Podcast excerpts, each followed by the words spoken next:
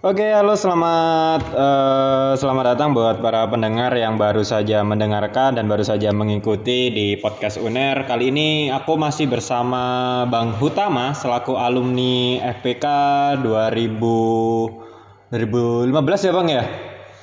Yo, 15. 2015. Oke, aku kenalin diri lagi. Eh, Aku Muhammad Renaldi Torik Alislam dari Fakultas Perikanan dan Kelautan Universitas Erlangga. Oke, sapa dulu Bang Hut pendengarnya yang setia dong. Oke. Oke, semoga pendengar kamu nggak bosen-bosen dengerin suaraku. Nah. Oke, kali ini masih bersama saya Hutama Sena Fariski, alumni Fakultas Perikanan dan Kelautan Universitas Erlangga Surabaya. Oke, nah Bang ini aku mau klarifikasi dulu nih. Untuk Apa nih? Untuk pendengar itu bukan pendengar aku aja Bang. Jadi eh, Oh, iya. pendengarku ini eh, pendengarku ini pendengar podcast Uner gitu. Jadi bukan hanya aku, Aneh. aku doang gitu. Nah aku kemarin udah Berarti bikin. yang, berarti yang buat podcast UNER ini bukan cuma Torik ya? Bener banget, pengenku gitu, Oke. pengenku gitu. Cuma kemarin tuh banyak yang nge-DM, banyak banyak yang ngechat aku juga. Rick, ini podcast Uner ini tentang pendidikan terus tentang pendidikan gini gini gini. Sebenarnya sebenarnya sih enggak dan dan sebenarnya bebas podcast Uner ini mau isinya apa saja gitu. Apa kontennya?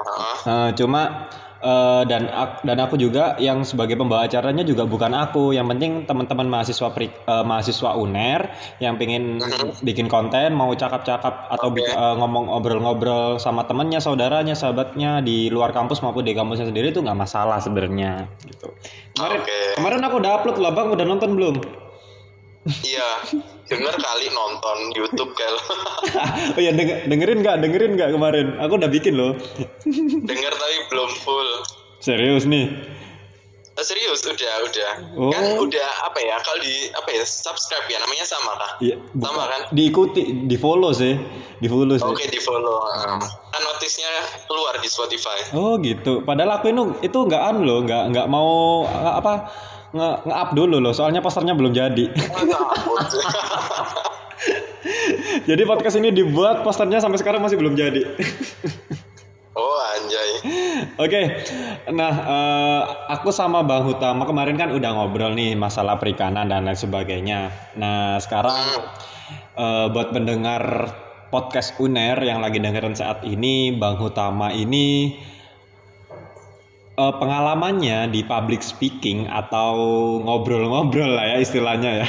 Dijawab di depan umum Ya itu ya. itu sudah melalang buana dan udahlah nggak tahu nggak bisa disebutin lah eh, apa track recordnya lah nggak bisa disebutin. Nah. Saking sedikitnya soalnya. walah bisa aja. Nah aku di sini pengen berbagi kepada teman-teman dan bang utama juga pastinya sangat eh, suka banget ya bahagia banget kalau bisa men-share ilmu yang bang utama dapat atau nggak mau dibagi-bagi nih Oh tenang dong, nggak pelita kok nggak nggak.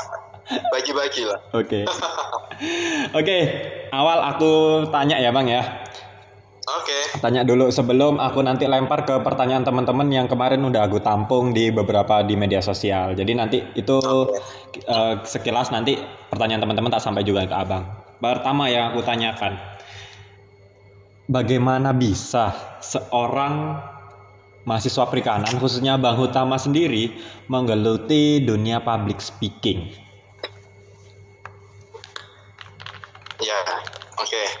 Jadi kalau kalau dibilang menggeluti sih ya, ya nggak nggak gitu-gitu amat lah ya, nggak nggak terlalu tergelut sekali. Tapi eh, kenapa kok mahasiswa perikanan juga harus mempelajari public speaking? Karena sebenarnya ilmu public speaking itu bukan hanya terpaut anak ilkom mungkin atau Ya, benar. anak sosial atau anak linguistik atau anak bahasa sastra dan sejenisnya. Banyak Tapi banget. di semua orang perlu untuk eh, perlu untuk menyuarakan apa yang ada di opininya dan mempersuit atau mempengaruhi orang lain untuk bisa tertarik dan percaya sama dia gitu. Dan itu perlu perlu teknik khusus untuk hal itu. Dan nggak semua orang eh, tahu caranya gimana. Tapi semua orang bisa berpublic speaking. Bedanya bad public speaking atau good public speaking. Gitu aja sih. Oh gitu ya. Jadi eh, yang tak tampung dari abang tadi kan eh, nggak semua nggak semua eh nggak semua nggak mahasiswa perikanan aja ya yang bisa yang bisa benar. yang harus public yang harus mempelajari benar. Semua juga bisa ya kan ya? Nah, semua orang malah. Oke. Nah tadi kan aku eh, sempat ngutip dari kata-kata abang public speaking adalah suatu cara kita menyampaikan suatu pendapat atau argumen. Bukan begitu? Mhm. Yep, salah satunya ya, salah satunya. nah apakah demo itu masuk public speaking bang Demo. Iya. Iya, benar. bener Ah, benar. Masuk. dari maksudnya dari konteks mananya kok bisa dikatakan itu public speaking gitu loh takutku takutku nih takutku Apa? orang-orang awam berpikiran gitu ya udah aku demo aja kan bisa public speaking sambil belajar public speaking orang takut gitu Iya, iya, iya, iya. Nah dari Iya, paham. dari mananya Tapi tapi demo-demo yang yang ada di konteksku ini bukan demo yang berbau anarkis loh ya. Demo Hmm. yang literally memang memang dia hanya berfokus untuk menyampaikan informasi ke masyarakat umum lewat medianya di jalanan itu dan yang akhirnya nanti akan ditemui suatu kelompok atau yang dituju. Nah, di situlah nanti eh, fungsi dari public speaking yang sebenarnya itu nanti akan bisa membawakan eh, pesan-pesan dari orang-orang di luar ke seseorang atau suatu kelompok itu. Nah, itu yang tak maksud sebagai salah satu ilmu public speakingnya, bukan bukan apa ya, bukan tindakan yang tindakan yang eh, mengarah ke anarkisnya ya. oh gitu gitu gitu berarti eh, lebih ke pada waktu berdialog atau berkomunikasi tuh bang ya Yes, benar. Dialog iya, terus sama sebenarnya yang pakai toa dan kawan-kawan itu juga sebenarnya harusnya mereka belajar tentang public speaking gitu loh karena bicara di di dengan kuantitas orang yang banyak dengan kuantitas orang yang sedikit itu tekniknya berbeda. oh gitu gitu oke oke Nah, i- itu juga jadi salah satu poin seharusnya. Jadi dan intonasi kalau di mentang-mentang di outdoor dan dan orangnya banyak kita mesti dan harus teriak-teriak. No, itu big no, enggak. Enggak, enggak, enggak harus. Eh, cara caranya yang menurut Bang Hutama yang baik dan yang benar itu seperti apa? Kalau kita semua dihadapkan dengan masa yang banyak, tapi kita sendiri gitu loh dan suara kita juga minim gitu. Nanti di materi ini ada. Oh ada, udah disiapin ya berarti ya. ada ada. Oke oke oke. Nah, eh, terus eh, aku juga mau tanya, udah berapa lama abang di dunia public speaking ini? Eh, kalau ditanya berapa lama sih lebih concern bangetnya ketika memang benar-benar di kuliah ya. Karena Hmm. eh, apa ya di kuliah itu bukan hanya kita belajar eh, secara soft eh, secara hard skill dalam arti akademik. Tapi ternyata soft skill seperti public speaking itu juga sangat amat penting. Contoh contoh eh, kecilnya waktu kita presentasi deh. Oh benar-benar. presentasi itu nggak semudah yang yang kita bayangkan gitu loh Benar benar. ya semua orang mungkin mungkin bisa ya memper, eh, bisa presentasi dengan cara baca atau apa pun itu. Tapi gimana caranya si presenternya tuh bisa eh, deliver apa yang mau diberikan ke audiensnya? Nah itu yang susah. Dan alhamdulillah setiap kali eh, simple things ada kelompok lah kelompok belajar kelompok yang ditugasi dosen pasti uh, lead speakernya itu pasti aku. Dari dari lima orang satu kelompok itu pasti aku. Karena apa? Karena ya lagi-lagi uh, ini jam terbang. Uh, Oke. aku bisa bisa me- me- meng-hire audiens itu gimana caranya biar fokusnya ke suaraku fokusnya ke aku dan dan nggak ngabang ke yang lain gitu jadi nanti mainnya nanti main di intonasi main di irama main di mimik main di main di gestur main di eye contact dan banyak hal nanti materi itu ada di sini semua Ini kapan dibahas materinya bang? mau langsung nih Langsung aja nggak apa-apa. Nanti aku nimbrung-nimbrung aja deh. Aku kan nggak tahu apa-apa nih masa public speaking. Iya. oke ya wes Eh, belajar bareng ya Iya belajar bareng. Oke oke. Nanti tak kritikin nggak apa-apa kan? Nanti marah abangnya. aduh ya enggak lah Oh enggak. Oke. Kan kamu juga kamu juga bisa lah public speaking lah Allah nggak bisa bang. Oke langsung lanjut ya. Oke Oke. jadi uh, basic basic questionnya yaitu uh, ada beberapa alasan kenapa kita harus banget belajar tentang uh, ilmu public speaking ini ya.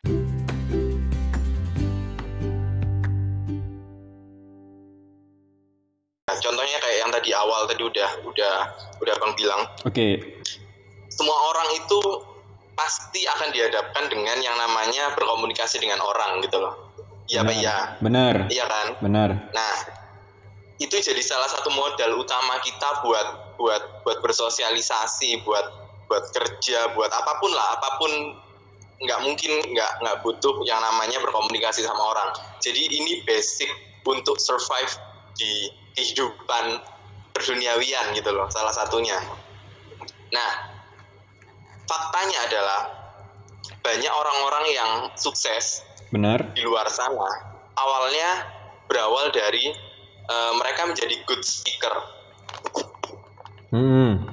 Artinya eh, orang-orang sukses itu uh, mengerti dan dan dan bisa menjadi uh, pembicara yang baik untuk orang-orang di sekitarnya. Awalnya itu itu.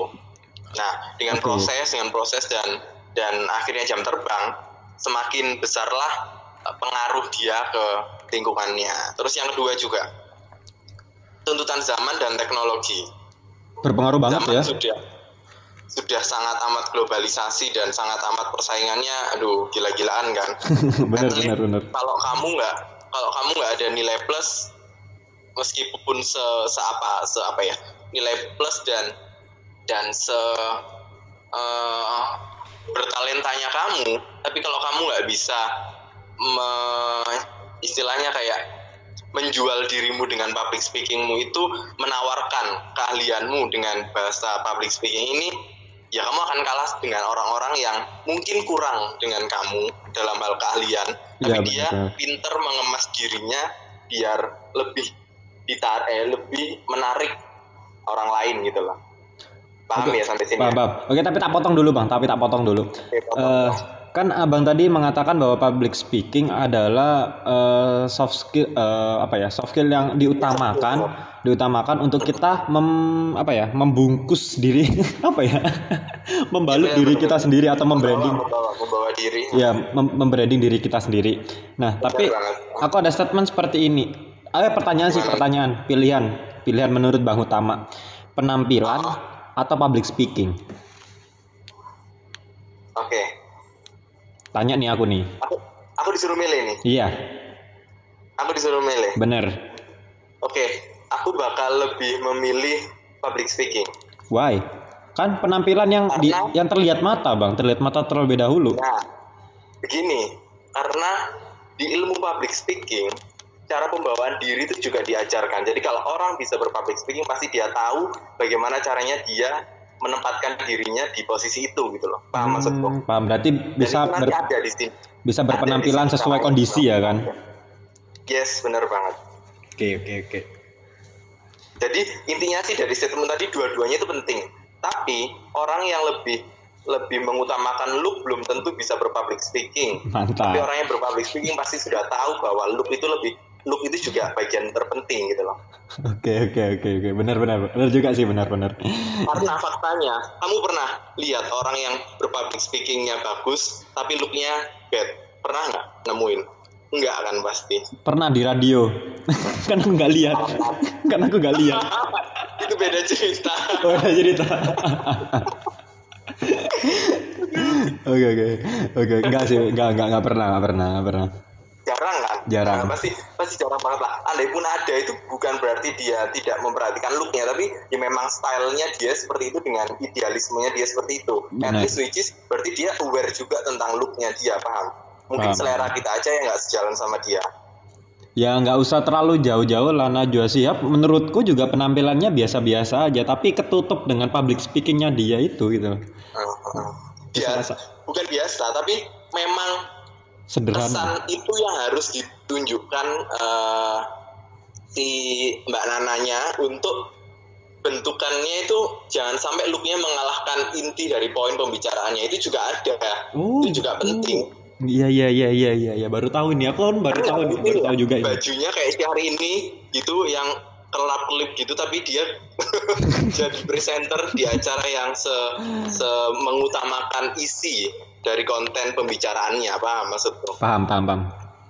Yes itu salah satunya lah. Oke lanjut deh dari abang. Oke. Deh ya terus tadi lanjut terus tuntutan profesi juga dari cari kerjaan sekarang ya lagi-lagi harus bisa membranding diri lu sendiri. Terus Hmm. yang keempat persaingan tadi sudah ya. Oke lanjut. Sekarang. Nah ini pertanyaan yang yang sering banget ditanyakan ke ke, ke aku. Gimana sih caranya bisa jadi pembicara yang baik itu. Itu oh, banyak banget. Banyak bukan berarti aku lebih baik lebih baik dari yang lain ya enggak. Hanya saja ya ada ada ada sedikit pengalaman lah. Jam terbangnya tinggi. dan dan sering sering sharing dengan orang-orang yang saya anggap memang public speakingnya well done banget gitu loh. Oke. Jadi, itu itu penting itu penting untuk untuk sharing itu penting juga. Oke lanjut. Nah tipsnya itu ini Eh, hal yang penting dalam dalam persiapan untuk untuk melakukan public speaking ya. Jadi sebelum berpublic speaking biar biar baik itu pasti perlu persiapan.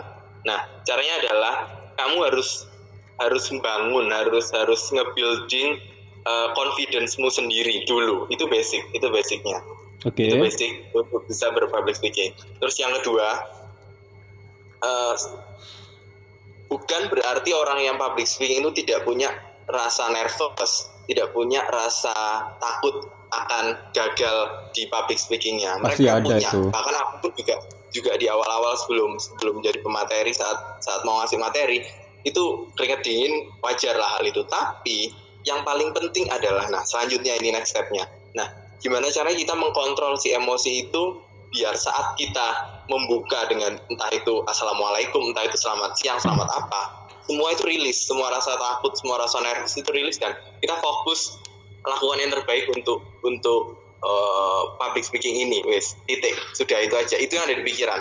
Nggak usah nggak usah mikirin nervousnya lagi udah itu itu itu bakal hilang nanti dan lagi-lagi itu perlu Latihan. jam terbang dan latihan. Benar benar tapi yang pertama kuncinya kamu harus meyakini bahwa kamu harus confidence wes itu Nah, eh, caranya ini- gimana Hmm. nanti ada Oke, ini tak potong dulu deh, tak potong dulu deh.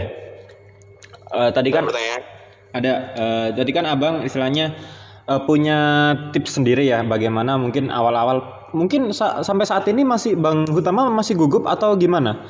Kalau pada waktu membawakan acara?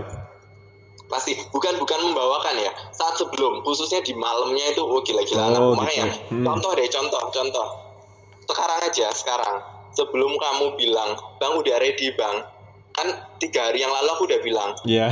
Tor, aku tak buat materi yang anu dulu ya. Nah itu salah satu persiapanku Ah. untuk meng- mengatasi kenervosanku dan rasa takut tuh biar si pendengar podcast Uner tuh nggak kecewa sama aku. Itu Benar, salah satu benar. contoh. Nah ya udah itu simple things lah dari dari treatmentku untuk untuk untuk uh, the lift gimana caranya public speakingku dengan materi ini nyampe ke seluruh pendengar podcast Uner. Oke, kayak gitu. mantap mantap. Beda istilahnya beda cerita dengan aku yang di mana kalau eh, hari-hari iya bang, gini serius. Apa? Jadi aku kalau aku itu eh, kalau hari-hari sebelumnya tuh nggak masalah sih, masih masih have fun have fun aja, masih relax. Cuma pas nyampe panggung, der udah bawa mic, nah itu wis keringet dingin jadi satu gugu dan lain sebagainya, materi hilang semua. Nah itu eh, kalau dari aku sendiri, kalau dari aku sendiri eh, cara aku untuk menghilangkan gugup itu pada saat awal pembukaan atau awal aku ngomong itu aku berusaha sekenceng-kencengnya mengeluarkan supa, suara dan itu tujuannya untuk menghilangkan nervous juga gitu loh. Jadi Benar, benar. mungkin pada saat eh, assalamualaikum halo selamat malam itu eh, langsung dengan nada yang tinggi, yang penting nervousku udah hilang gitu loh. Itu itu biasanya tak, tak lakuin sih pada waktu eh, mungkin aku lagi bawain suatu acara atau lagi presentasi dan lain sebagainya. Di awal-awal pasti up dulu gitu daripada aku nanti di tengah-tengah terus nervous materi hilang semua kabur udah kacau pasti nanti. Iya benar benar. Kalau Bang Utama sendiri mungkin barangkali pas Kalau aku kebalikan, kebalikan sama kamu tadi. Hmm. Jadi eh, ada satu satu satu apa ya? Sat, Halo? halo. Halo, yes, oke. oke kita sudah sudah terhubung lagi. Oke. Telepon interaktif Nah, ya. jadi, nggak apa-apa. Jadi harus ada memang uh, si public speaker juga harus memiliki sifat yang kamu miliki. Salah satunya adalah mengidentifikasi bagaimana treatment yang cocok untuk dirinya sendiri untuk mengatasi rasa nervous dan gugupnya itu. Benar, Karena benar. memang tiap orang itu caranya beda-beda. Caranya beda-beda benar. Oke. Itu. Nah, kalau kamu tanya tadi gimana kalau kalau kalau Abang. Nah, kalau kalau aku rasanya gini. Ber, berkebalikan sama kamu. Jadi sebelumnya itu justru aku yang sangat amat kepikiran sekali untuk untuk untuk untuk eh, malam oh eh, salah untuk sebelum tampilnya. Hmm. Tapi saat saat di panggung, saat sudah di panggung dan dan sudah membuka membuka suatu acara itu, ya benar, ya tadi yang tak bilang bahwa semua itu rilis gitu, semua itu hilang hilang dan dan dan dan harus percaya bahwa uh, public speakingmu hari ini akan berjalan dengan persiapanmu yang kemarin. Jadi intinya persiapanmu yang kemarin itu bakal membayar hasilmu yang sekarang. Itu itu yang ada di yang ada di mindsetku ya. Makanya oke. Kenapa saat aku bawain bawain suatu acara atau apa pun itu entah itu pidato entah itu apalah apalah pokoknya yang yang yang mengharuskan untuk untuk tampil di depan umum itu bisa bisa terkendali dalam kendaliku Oke, mantap mantap. Jadi eh, dipersiapkan lebih dahulu dan nervousnya dihabiskan sebelum suatu acara dulu ya bang ya, baru kita langsung tampil show up di depan umum. Mantap mantap. Mantap. Nah, Oke, oke lanjut materi apa lagi nih yang bisa diberikan dari bang utama? Oke, ini nah uh, banyak uh, adalah beberapa mitos yang yang berkembang yang berkembang di di masyarakat kita bahwa katanya gini kemampuan berbicara di depan umum atau public speaking itu umumnya ada dan bisa karena bakat lahir. Oh enggak, Kamu percaya nggak? enggak enggak enggak, enggak setuju aku itu. Ah, enggak kan? Enggak, Benar. Sama. Aku juga nggak setuju karena awalnya aku nggak nggak se- seperti ini gitu loh. Dan ini semua by proses lagi-lagi by jam terbang by waktu gitu. loh. Benar, aku benar. awalnya nggak nggak selihai dan nggak se selentur ini dalam dalam bertutur kata gitu loh. Benar benar benar. Sama kok aku juga Iya bang. lah, pernah pernah ngalami fase itu kan. Hmm, hmm, hmm. Aku juga jadi- baru jadi- public speaking ya jadi awal kuliah aja. Mm-mm. Jadi benar itu itu mitos gitu loh. Itu itu itu mitos yang bisa berkembang menjadi kepercayaanmu sehingga ya akhirnya kamu nggak bisa public speaking gitu loh. Jadi itu itu salah itu big no. Benar sekali. Ye. itu eh, itu anu gak sih bang Me- membuat kita berperila eh, apa ya berpikiran negatif sehingga apa yang mau kita lakukan mungkin contohnya kita mau public speaking dengan stigma seperti itu bawaan kita jadi apa down dulu dan negatif mulu gitu loh jadi selalu nggak bisa dan nggak bisa gitu loh Yo yo benar banget. Benar makanya itu tadi eh, itu bakal jadi bumerang buat dirimu sendiri gitu loh. benar benar benar oke, oke mantap mantap terus apa lagi apa lagi nih kok makin seru pembicaraan ini Oke. nah, ini yang yang yang udah udah udah tadi ya, udah dibahas tadi. Jadi eh, sekarang mau dibahas dasar-dasar public speaking sendiri. oke Nah, pertama eh, kamu harus tahu tentang ruang lingkup public speakingmu.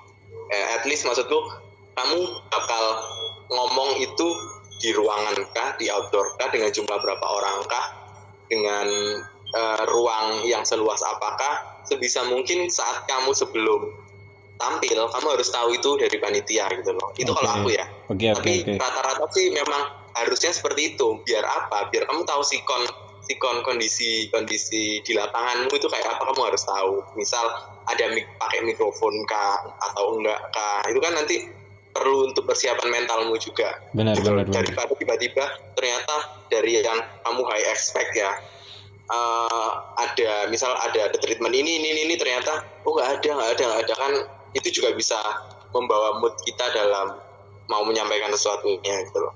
Terus yang kedua, kamu harus tahu juga tujuan tujuan eh, PS-mu atau tujuan public speaking itu untuk apa? Untuk mengedukasi kah? Untuk mempengaruhi kah? Untuk jualan kah? Untuk untuk apa ya? Untuk apa lagi ya public speaking itu? Untuk eh, eh, apa ya? Semuanya kamu harus tahu lah tujuanmu ngomong di depan umum itu apa? Pidato kah? Menyampaikan Oh, sambutan kah? materi apa kah? materi yang akan dibawa gitu ya bang ya lebih tepatnya ya Ah ya secara secara secara garis besarnya itu tapi tujuanmu kamu harus tahu goalsmu itu apa misal uh, goalsku adalah audiensku harus harus paham tentang satu hal ini wes nah itu tujuan oke okay, benar terus yang yang ke yang ke berapa ini berarti yang ketiga. Nah yang ketiga.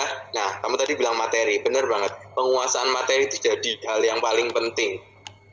Setelah kamu bisa menghandle yang namanya uh, nervous yang namanya uh, apa tak takut dan kawan-kawan itu tadi. Nah yeah. materi itu hal basic yang paling penting. Karena banyak banyak orang yang takut dan nervous itu hanya disebabkan karena dia kurang menguasai materi. Iya Pak ya. Benar ya, jadi gugup jadinya kan ya.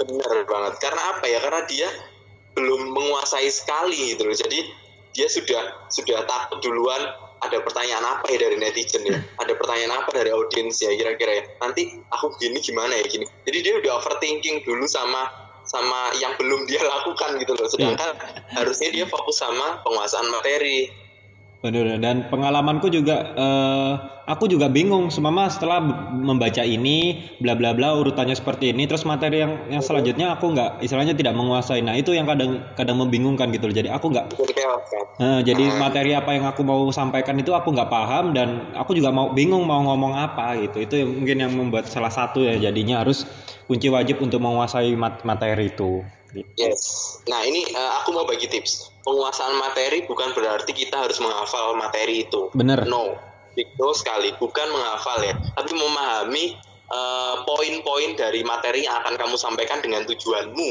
Nanti kamu mau apa, wis? Itu itu garis besarnya itu. Jadi nggak usah diapalin, aduh buat itu bakal menambah beban, beban ya, benar. memori otakmu ya gak sih sama halnya dengan waktu presentasi kan seperti itu bang powerpoint kan iya, seharusnya kan digunakan poin-poinnya aja gitu loh cuma teman-teman itu kadang deskripsinya dimasukkan semua latar ya. belakang masuk semua tinjauan pustaka ya. hampir kesimpulan daftar pustaka masuk semua Nah, iya benar banget. Nah, jadinya bukan bukan PowerPoint gitu, power tapi word, power ya. word. Oke oke oke. Benar benar nah, benar. Setelah itu, setelah itu barulah uh, browsing browsing atau atau cari-cari tentang gimana sih caranya membuka suatu suatu uh, materi, suatu kalau kamu jadi pemateri ya. Terus uh, membahas pembahasan itu seperti apa dan menutup akhir itu juga seperti apa itu ada ada di banyak sekali di Google kalau kamu search atau di YouTube tutorial-tutorial gitu banyak sekali mulai atau, dari yang atau mungkin langsung menghubungi Bang Utama buat belajar ya kan? Oh boleh boleh boleh boleh telepon. Oke. boleh boleh. Nah nah dan yang terakhir dari kalau kamu sudah sudah sudah berapa tuh tadi? Tuh dua tiga empat. Kalau kamu sudah sudah keep empat yang tadi, yang terakhir adalah mensimulasikan apa yang sudah kamu persiapkan itu kan. Oh, gladi resik ya kan istilahnya ya. Uh, uh, disimulasiin biasanya aku ngobrolnya di depan kaca sih. Nggak masalah sih bang. Iya, ya ya biarin lah ya. Yang penting kan, yang penting kan kita lagi-lagi bicara kalau cara kalian ada yang lain mungkin bisa di share di bawah sini loh. Di bawah mana bang? Gak ada nih kolom meja nih. Oh nggak ada. Oh nggak ada. Oh di, podcast nggak bisa komen ya? Bisanya di bi, eh, bisa apa enggak ya? Bis nggak bisa kayaknya. Bisa apa enggak? Nggak tahu. Wes lah ya. Kayaknya sih enggak, cuma makanya kan tak selalu tak uh, tak kasih Instagram aku barangkali atau Instagram narasumber ya, barangkali ngasih masukan-masukan kan di situ kan bisa. Yo, iya benar. Oke, nah kita lanjut ke pertanyaan-pertanyaan dari teman-teman nih, Bang.